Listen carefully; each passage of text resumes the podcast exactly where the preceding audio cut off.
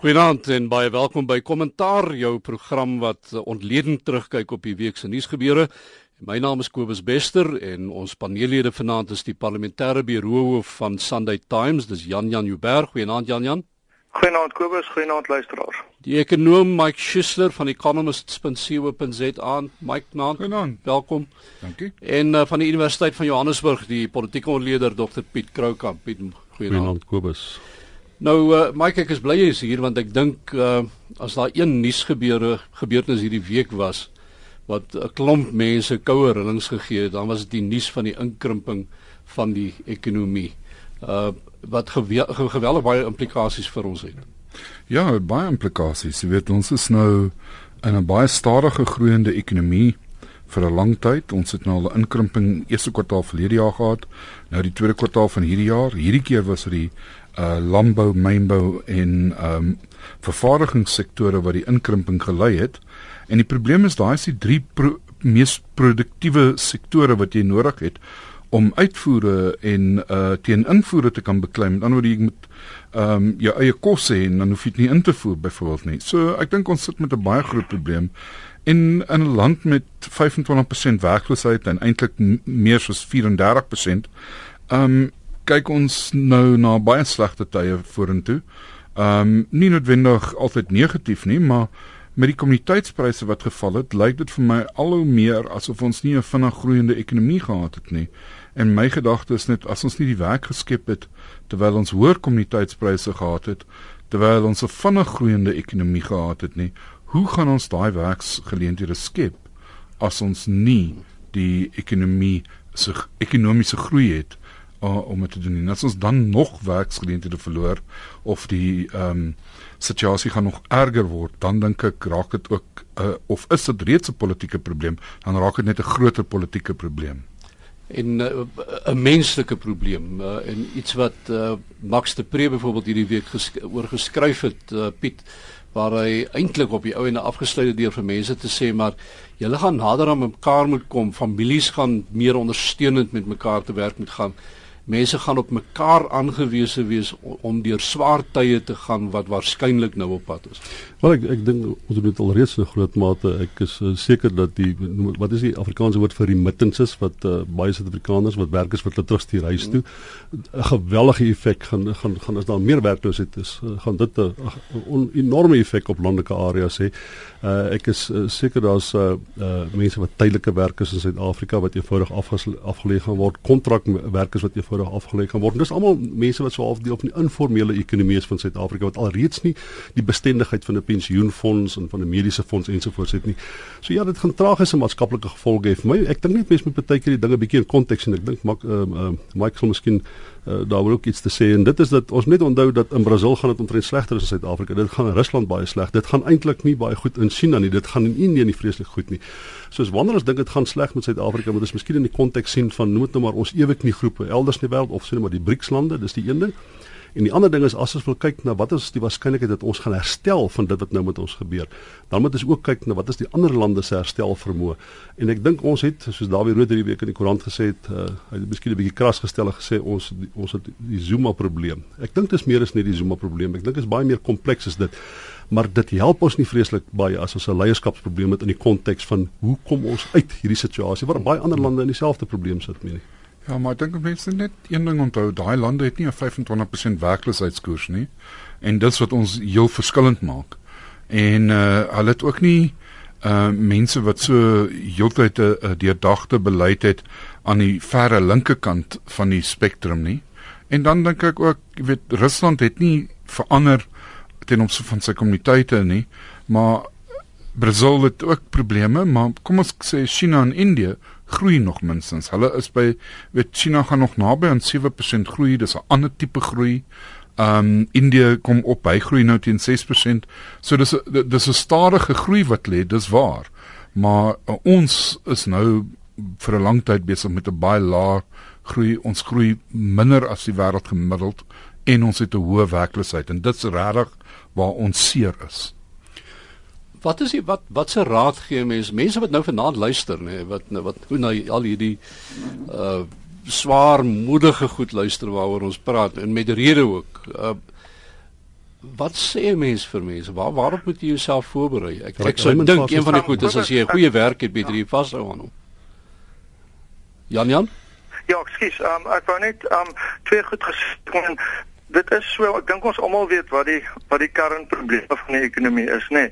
En baie daarvan is natuurlik regeringsverwant en beleidsverwant en um jy weet dit het baie te doen met wat ons doen aan ons um, bedrywe wat werk kan skep soos byvoorbeeld die mynbou waar ons regering lyk my die beste doen wat kan om dit te vernietig. Maar uiteindelik moet 'n mens seker vra wat is nou die pad vorentoe en dit lyk of daar 'n soort van een pad is wat vir my werk, maar ek kom so 'n bietjie uit 'n kapitalistiese hoek uit en dit is wat um, Brittanje gedoen het onder die Tory bewind dat jy binne jou vermoë leef, né? Die ander is om te sê, jy weet, um, jy moet maar groei en dan sal die groei sorg dat die dat die ekonomie verbeter. Met ander woorde, um, dat jy nie moet besuinig nie. Ek het gewonder of dit nie vir ons sal goed wees om te sê kyk realisties gesproke gaan die regering nie verander nie. Wat kan mens realisties gesproke doen? Wat kan die regering werklik realisties gesproke doen? Ek dink Mike seker 'n goeie ou om dit te te antwoord. Um om dinge vir ons beter te maak gegee dat ons met die regering gaan sit. Wat wat wat is op die tafel? Jan Jan, daai daai argument wat jy het, nee, kan 'n geweldige onmenslike konsekwensie hê. Kom ek sê net vir jou, as ons binne ons begroting, binne ons vermoë leef, wie wie se ouens wat daarvoor gaan betaal? Die werklooses, die armes. Dis nie die middel die die hoër middelklas nie. Die hoër middelklas het oor die laaste 5 tot 7 jaar blykbaar dat hulle besteedbare inkomste het met, met, met 20% gestyg. Ja, maar Dis die ouens wat aan die onderkant is wat die prys gaan betaal as ons besluit om binne ons vermoëns te leef. ja, ek dink Piet ons sal as ons moet, dit met ons regtig hard wees met mense en hulle vertel dat die staatsdiens verdien 14% van ons BBP. En dis 'n ongelooflike hoë nommer wêreldwyd gesien.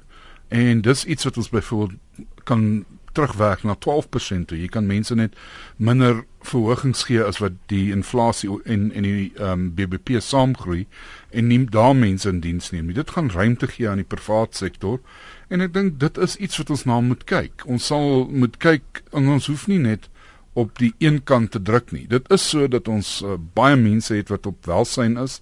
Daar's geen twyfel by my dat dit 'n te hoë nommer is nie, dat ons nie 'n groot verskil maak nie.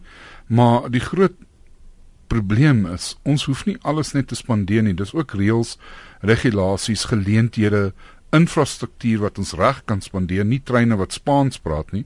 En dan kan 'n mens dalk 'n uh, paar dinge uh, meer in reg kry, maar ek stem heeltemal saam, jy gaan dit nie oornag reg kry nie, maar daar is ander goed wat ons kan besnoei. Solank ons nie die kapitaalspandering besnoei nie en ons kyk baie hard na die aantal mense wat in diens is van die staatsdiens en ons begin korrupsie regtig werklik waar aanspreek. En dan kan ons goed doen en jy hoef nie die regering daarvoor te verander nie, maar dit sal natuurlik help. Maar Dawie Rood het vir ons 'n interessante ding met die naweek gesê. Dit is hy sê daar is geweldig baie kapitaal in Suid-Afrika beskikbaar vir investering in hierdie land. Al wat ons kort, ons kort beleidsekerheid.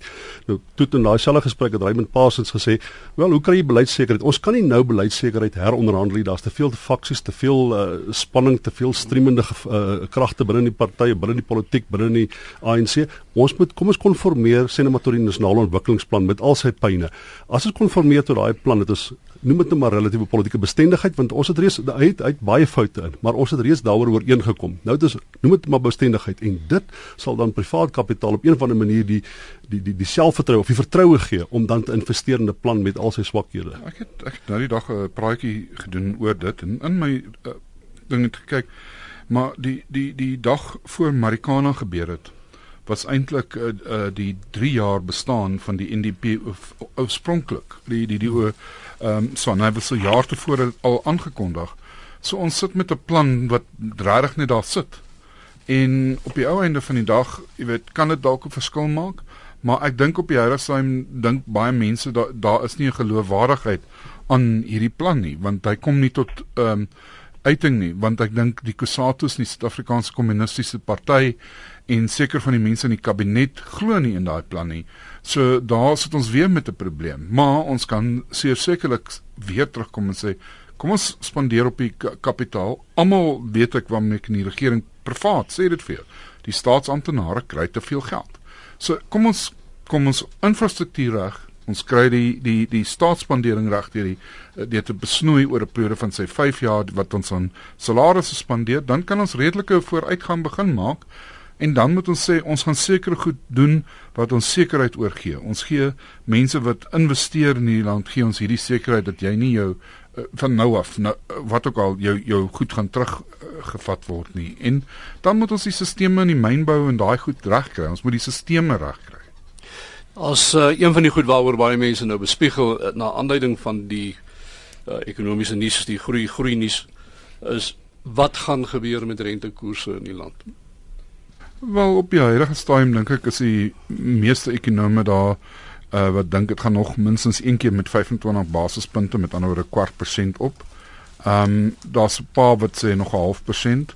Hier en daar sal mense wat 'n bietjie hoor as dit is en ek dink dit sal ergens tussen 'n kwart en nog 'n half persent opgaan voordat ons nou weer op 'n lang tyd uh so die probleem is ons het swak groei maar ons sit met 'n betalingsbalans tekort. So ons sal moet sorg dat mense minder spandeer. Dit help nie dat die enigste deel van jou ekonomie wat uh goed doen is jou spandering nie, want weet as jy nie geld verdien nie, dan moet jy jou spandering 'n bietjie intrek en dis van die verbruiker nou wat ons van praat. En dan dink ek weet op jou einde het ons ook nou terselfdertyd 'n belastingverhoging effektiewelik gekry ehm um, vir daai verbruiker en ons moet nou maar weet dat dat die effek is dat belastingverhogings het 'n negatiewe effek op die ekonomie. Goed, daar was ook ander goed, die elektrisiteit is nie daar nie. Ehm um, iets waar ons geen beheer het nie, die kommoditeitspryse is ook nie meer daar waar hulle was nie. Maar die probleem is dis die nuwe realiteit. Die kommoditeitspryse in in my opinie en dis dis regtig mense weet nie maar ek dink hierdie is 'n 10 tot 15 jaar lange ehm um, af en sywaartse uh, ding van die uh, kommoditeitspryse. So ons gaan amper soos die 80s tot die, die middel 90s wees ehm um, waar ons voorheen was. Kobus dan verstaan ek dit nou glad nie want as ek dit reg verstaan jy twee opsies. Die een jy kan uh, jou groei kan kommoditeitsgedrewe wees of die ander een is jou groei kan verbruikersbesteding gedrewe wees. Mike sê vir ons ons is in 'n laas siklus, ons gaan nooit weer kommoditeits uh, groei hê nie en hy sê vir ons ons moet ons besteding moet ons ook inperk. So waar hoe hoe maak ons groei? Hoe skep ons groei? Jy jy, jy baie meer as net dit. Ek meen ehm um, jy kan toerisme laat groei, jy kan uitvoere laat groei jy kan uh, genoeg kompetisie in jou uh, fabriekswese en jou landbou kry dat jy nie so baie hoef in te voer nie. Dit kan ook 'n verskil maak. En ek dink 'n mens moenie dink dat die verbruiker die enigste uh, spandeerder is nie. En terselfdertyd as jy dan op infrastruktuur spandeer en op die regte infrastruktuur, dan so kan jy byvoorbeeld staal vir lokomotiewe en so aan. ja, of wel kom ons sê jy jy jy die die, die hawe sorteer jy uit dat die ouens nie nou in die hawe hoe vas is sit nie. Uh, jy sorteer die paaie uit, jy jy sorteer die damme uit, jy sorteer die elektrisiteit uit al daai tipe van goed maak dit maklik. En daar kry ons die geld om dit te doen. Ons het nie meer die geld nie. Het ons nog die geld om dit te doen? Nee, ek dink daar is geld. Daar die die dis nie asof ons niks het nie. Dis nou het ons minder geld as wat ons voorheen gedink het ons sou hê. En ons het al hierdie programme, maar ek dink ons moet nou begin besef wat se geld spandeer ons waar. Dit help nie ons koop treinstalle ten duurste en dit is vir ons om mense vinniger en beter by die werk te kry en wat produktiwiteit sou verhoog maar op die huidige stadium werk dit goed nie. So jy weet dis waar ons sal moet gaan kyk en dan kan jy vinnige uh, klein veranderings maak. Byvoorbeeld baie lande het 'n regulatoriese impakstudies. Voordat jy enige wetgewing doen, moet dit daardeur gaan voordat dit na die parlement toe kan gaan, voordat dit 'n regulasie word. Dit moet daardeur gaan en dan sal byvoorbeeld die visum storie nie so groot probleem gewees het nie. Daar's eh, kom ons los maar daardie kwessie in hierdie stadium ek dink ons het hom goed deurgetrap. Maar ehm um, jy het nou verwys na daar is baie maniere om te, om geld te bestee nog of plekke waar jy dit kan bestee. Uh, Jan Jan uh, een van die plekke waar die regering beslis baie geld wil bestee, het jy nou vanoggend oor geskryf en dis hierdie nuwe kernkrag idee wat hulle in die kop het. Ja, ek dink ehm um, kyk daai is 'n omstrede kwessie omdat dit soveel as 'n triljoen rand kan kos. Dit kan die duurste uitgawe in ons land se geskiedenis wees as daai syfer korrek is. So, ehm um, waaroor ek opgewonde is is ek het 'n onderhoud gedoen met die adjunkdirekteur-generaal van energie vir kernkrag meneer Mbambo en ehm um, van die vrae gevra wat ons net eenvoudig nie antwoorde op gehad het tot sover nie. En ek dink interessante antwoorde gekry. Eerstens, ehm um, hy het nie so ver gegaan as om te sê die triljoen rand is meer as wat ehm um, daar weet bestuur sal word nie, maar hy het gesê dat hulle dit baie baie goed dophou en dat hulle dit op 21 maniere meet en ek weet nie wat nie alles nie, maar hy het nogal geklink of hy redelik weet waarvan hy praat. Tweedens, um was dit 'n vreeslike groot probleem dat die um die Russiese um tegnologie is nie versoenbaar met die tegnologie wat op die oomblik by Kuiberg gebruik word wat Amerikaanse Westinghouse tegnologie nie.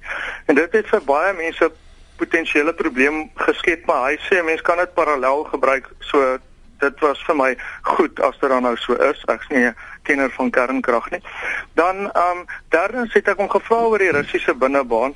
En ek moet jou sê daaroor met ander woorde of Rusland bevoordeel word of dit nou eintlik maar gedane saak is wat Rusland dit gaan kry en hierdie hele proses is eintlik maar tydmors. Ehm um, nou daarby eintlik baie duidelik tussen die lyne gesê dat Rusland se kans die beste is want hy het gesê hulle het gewoon met die meeste ehm um, idees na ons toe gekom.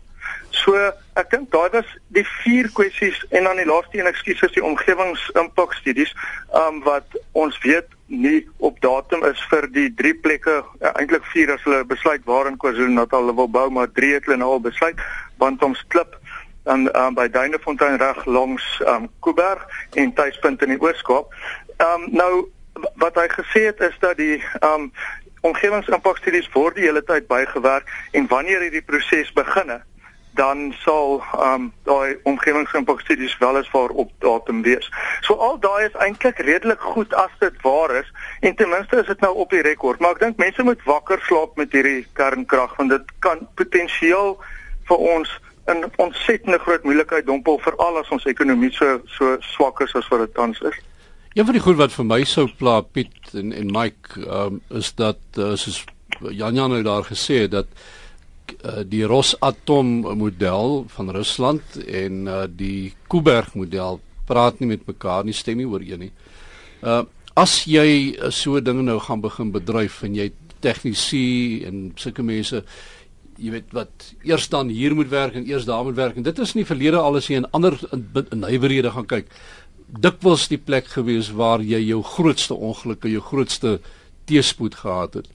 Ehm um, Ja, omdat gaan nie dan gaan nie baie Suid-Afrikaners werk in daai in daai stelsel nie. Vir elk geval nie vir die eerste 10 tot 15 jaar waarskynlik. Dit gaan alles russe wees. Op groot skaal sal hulle na Suid-Afrika toe kom. Die stelsel moet opsit en moet bedryf. Maar wat my bietjie plaas is ek vir Jan Jan 'n vraag gevra het. Wat vir die befondings befondsingsmodel? Gaan Suid-Afrika sê hier is 1.3 triljoen rand en jy moet onthou daar is nie 'n enkele groot projek wat die staat nie verlede aangepak het waar die prys nie minstens verdubbel het nie. Nou ons het nie eens die 1.3 triljoen rand. Ek weet nie as daai prys verdubbel het. Dis die een ding. Die ander ding is Ehm um, uh as ek dit reg verstaan, die Turkse model was gewees Rusland het soontoe gegaan. Hulle sit die stelsel op. Hulle sê nee goed, dit kos julle niks nie.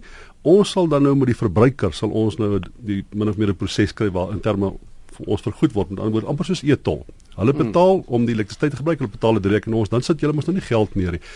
Maar in Rusland, ag in, in Turkye hoor ek dit het 'n tipe van 'n monopolie geword. Dit was baie baie moeilik om die pryse te beheer wat dit astronomies duur gemaak het om om om die krag daar te gebruik. Maar die heel belangrijk, belangrikste ding vir my met hierdie storie is as jy kyk na die ANC se beleidsdokumente wat hulle in 'n nasionale vergadering binnekort wil bespreek, dan sien jy dat daar binne die ANC is daar nie konsensus oor die russiese teenwoordigheid, die omvang daarvan uh en die wyse waarop dit gedoen word nie. Hulle maak spesifiek die punt dat elke ding wat gedoen word, moet in die openbaar gedoen word. Die tenderproses moet regverdig wees. Met ander woorde, hulle sê ons wil nie weer dieselfde fiasko's van die verlede herhaal nie. Nou dat jy kan dan baie lees. Die een is dat die ANC skielik 'n kommer het oor hoe effektief ons ons geld spandeer of die ander een dat skielik 'n kommer het in watter mate Tina Jomet Petersen en Jacob Zuma die ding op hul eie bestuur. Die hierdie okay. is hierdie is uit daaroor. Jan Jan. As as ek net 'n vraag kan beantwoord. Um vir sover ek kan. Ek meen ek kan nou nie vir die van energie praat nie, maar uiteraard het ek hulle gevra. Jy weet mense vra vra en dan partykeer kry jy beter antwoorde as ander. Maar wat die finansieringsmodel aanbetref, ehm um, het hy gesê, nou goed, hierdie klink eintlik 'n bietjie slap, maar dit is ook logies dat ehm um, ons begin daai proses eers aan die begin van volgende jaar.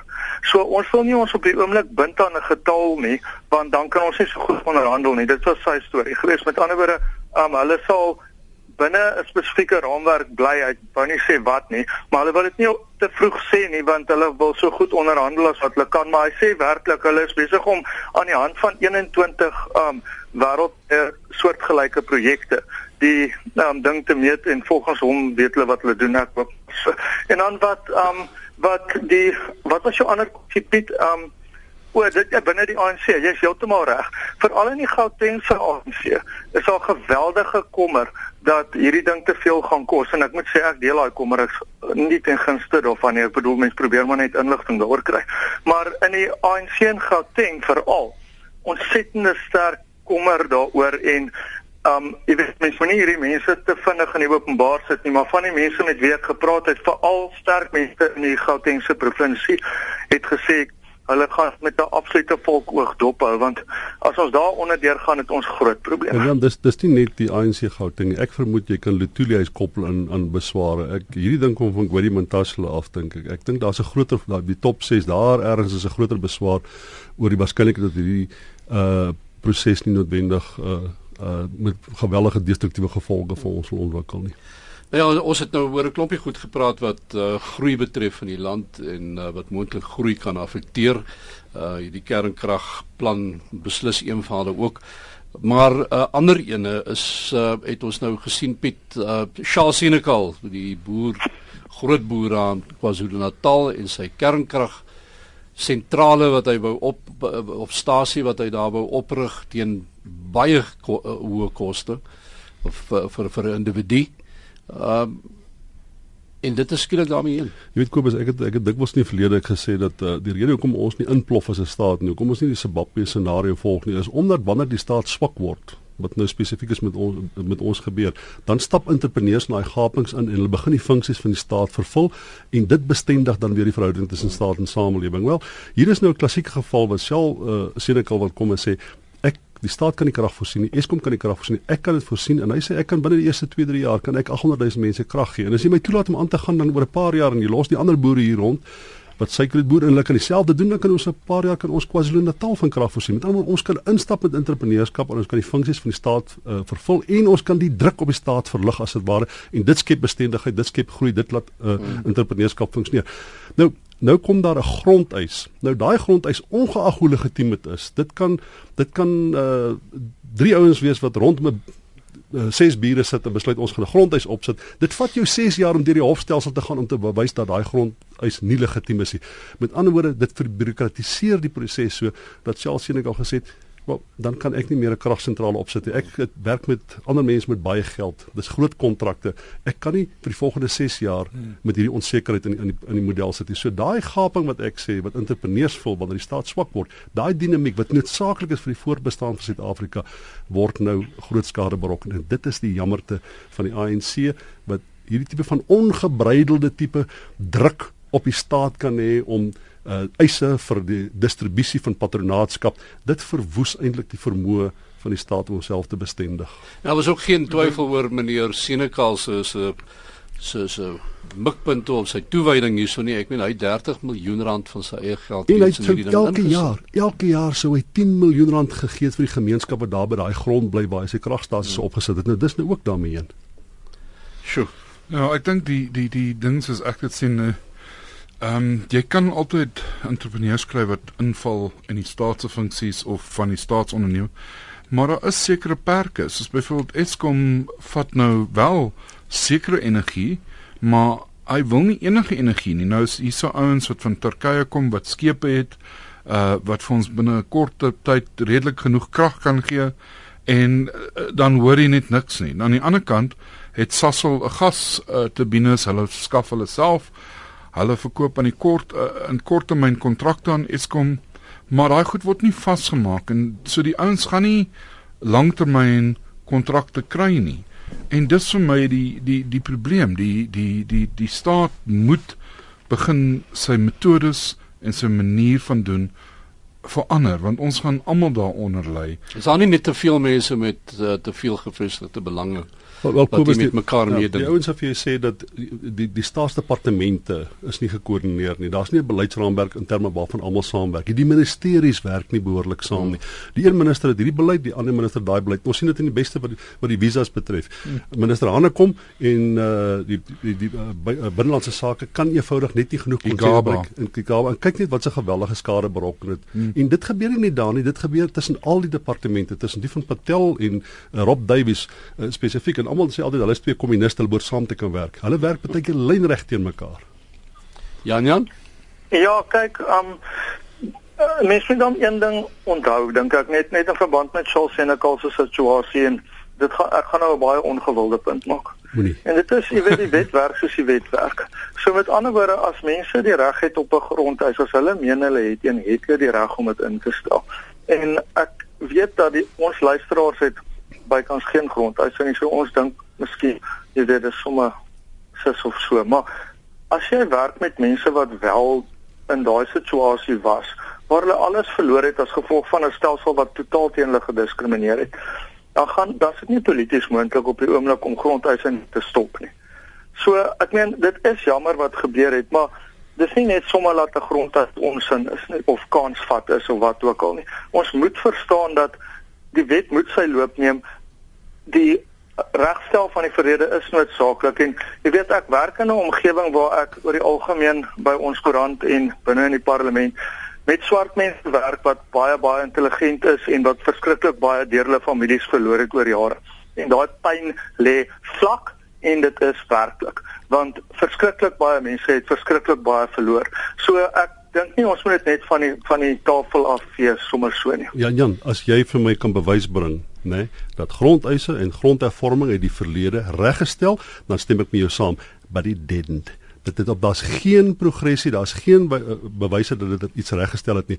Om die waarheid te sê, die proses is so verbureaukratiseer en wanneer mense wel daai grond bekom, is daar geen produktiewe vermoë op daai grond nie en nie een van daai mense wat daai grond teruggekry het, is noodwendig vreeslik beter af nie. Grondhervorming soos wat dit nou gedoen word, is dit moreel gesproke is dit perfekte ding. Dit moet gebeur. Soos wat dit nou gedoen word, ondermyn dit die ekonomie en onder ondermyn wat ons die die the greater good in Suid-Afrika. Dit kan op 'n baie anderste manier gedoen word. As ons grondhervorming moet doen, moet dit so doen dat dit effektief is, dat dit die land bevoordeel, die ekonomie bevoordeel, die mense wat benadeel bevoordeel, maar dit is nie nou so nie. Daar's geen bewys dat grondhervorming enigstens tot die voordeel van Suid-Afrika of die gemeenskappe bevoordeel benadeel was is nie. Ja, ons sal daar maar moet verskil, ek bevrees hoor. Um maar ek dink nie ons moet nou daaroor stry nie. Kom ons kom ons gaan praat oor 'n oor 'n baie ernstige ding die Springbok span.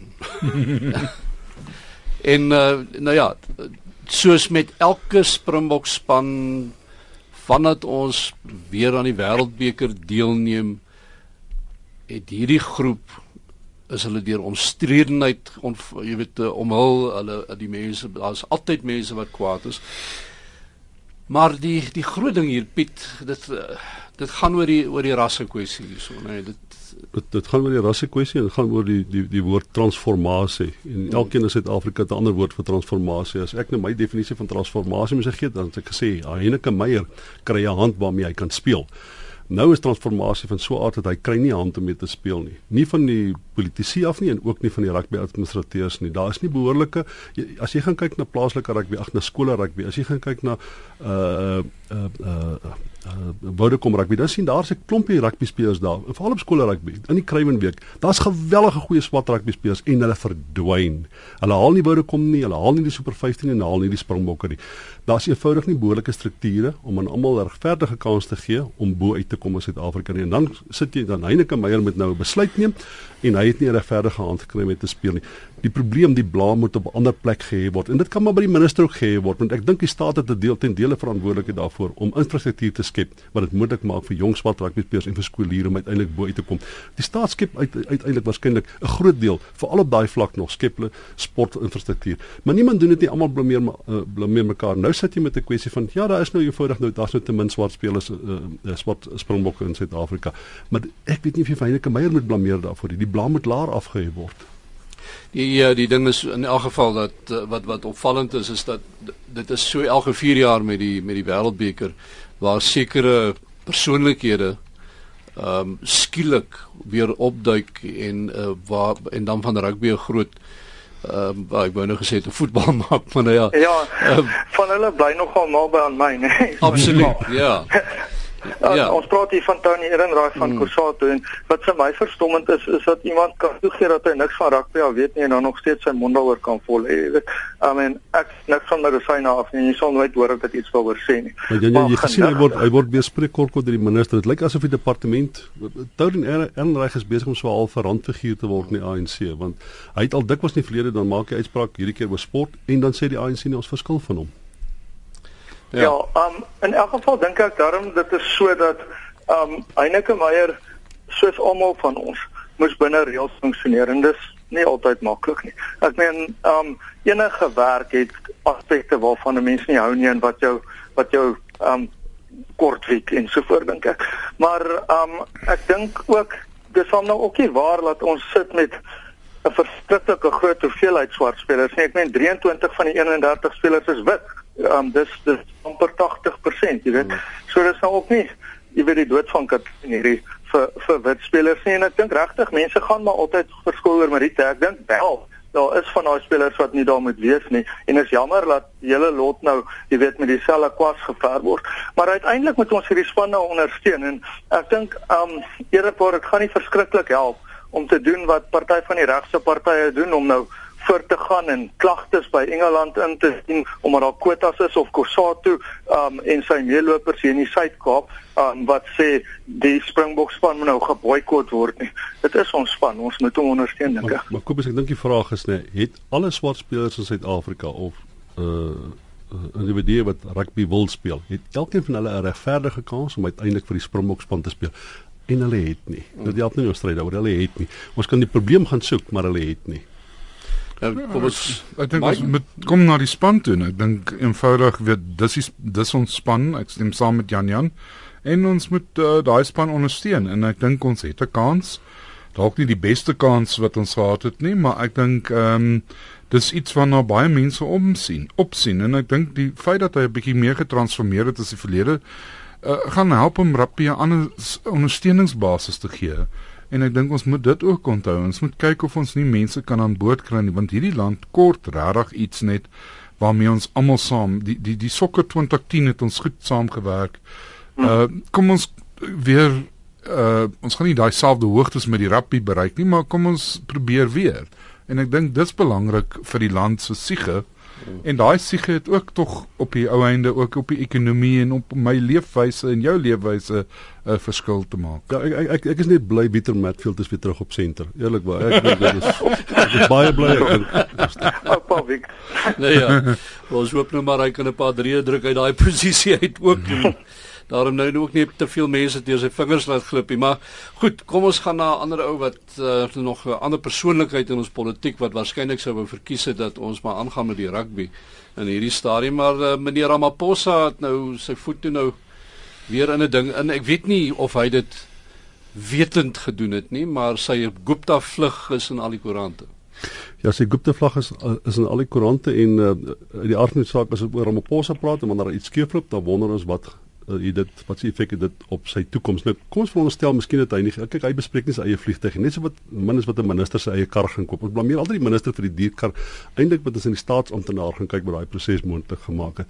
So miskien het Ramaphosa nie geweet van hierdie diervlug nie, maar dit is interessant dat dit 'n Gupta vliegtuig is en dat dit nou konsekwensies het vir sy persoonlikheid, vir sy identiteit en sy waarskynlik sy oorlewing in die politiek.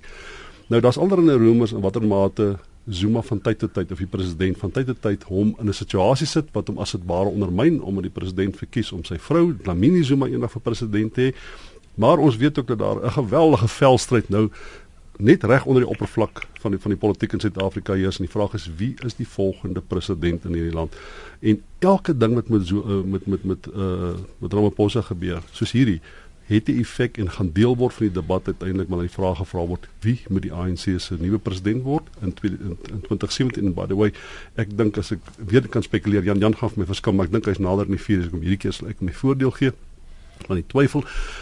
Ek hoor al hoe meer die argument binne die ANC dat om die president van die ANC en die president van die land om die two centers of power probleem op te los, gaan ons in 2017 weer vir Jacob Zuma verkies as president van die ANC vir die volgende 2 jaar en dit bestendig dan in die skip, maar dit gee ook natuurlik vir die opponente van mense soos Ramaphosa die kans om te mobiliseer teen hom en dit gee vir Zuma kans nog 2 jaar om sy vrou uiteindelik in daai pos aangestel te kry. Jan Jan Ek moet beken ek het nie daai al gehoor dat hulle 2017 wil wel die die die eintlike um wel daar's twee goed daar nê. Die eerste is die derde termyn wat dan ter sprake kom want um, dan hy meer as twee termyne en ek dink gegee wat met Thabo Mbeki gebeur het in 2007 sou ek sê Zuma uh, die presidentskap vir 'n redelike stok uh pluk as hy wel seker nie pluk nie wat doen mense met 'n stok maar hy sou hom stok sny. as hy met sny ja hy sou vir 'n redelike stok sny as hy as hy vir 'n derde termyn wil gaan. Vernaam gegeewe jy weet dat hy so 'n omstrede persoonlikheid is en dan die eintlike is wat Piet daar sê wat anders is is dat hulle dan teen massiewe koste ter um, in 2019 weer 'n uh, leierskapverkiesing moet hou en dan is dit net voor die verkiesing. Nou uh, ek praat van die algemene verkiesing. So dit sal nogal vreemd wees vir my want ehm um, jy weet da, da, enige politieke party verkies om maar sy sy leierskap veranderings te doen uh, rukkie voor uh, algemene verkiesing. So Piet kan heel moontlik reg wees, is dalk net dat ek dit nog nie gehoor het nie, maar ek het nog nie daai ene spesifiek gehoor nie. Ek dink Jan Jan kan reg wees onder ons het net voor die program daaroor hmm. gepraat. Dit is heeltemal moontlik dat die ANC sê net maar 2016 die verkiesing wat nou opkom. Die ANC die ANC doen besonder sleg in die verkiesing en hulle verloor dalk uh vir Port Elizabeth en uh, kry hmm. gewellige druk in Johannesburg. Dan gaan die ANC sê maar ons kan nie na 'n volgende nasionale verkiesing toe gaan met die bestaande leierskap nie. Dan gaan 2017 gaan hom baie baie beslis verander. Maar die ouens wat uiteindelik die druk opsit om vir Zuma te hou vir die laaste 2 jaar, toe die laaste 3 jaar, is nie hy self nie. Hy gaan dit nooit opper nie. Thabo Mbeki het dit self geopper. Hy het die indruk geskep dat hy wil nog 'n termyn staan. Hmm. Jacob Zuma opper dit nie eers nie. Dit is die geweldige komplekse patronaatskapsnetwerk reg rondom hom wat 'n bepaalde voordeel het indien hy president bly of die meester patronaat bly tot in 2019. Uh, Maar nou, wat dink julle is die effek van hierdie patronatiese netwerk dit want dit gaan dit gaan ook 'n bepalende faktor wees hoe hierdie oorgang binne in daai party gaan gebeur is dit nie? Dit gaan inderdaad ek ek, ek kan nou vir jou sê dat die ANC is daar's nie as jy die beleidsdokumente gaan lees dis nie een of ander monolitiese eenheid wat konsensus het oor waar jy nou op pad is en hoe ons daar hmm. kom nie.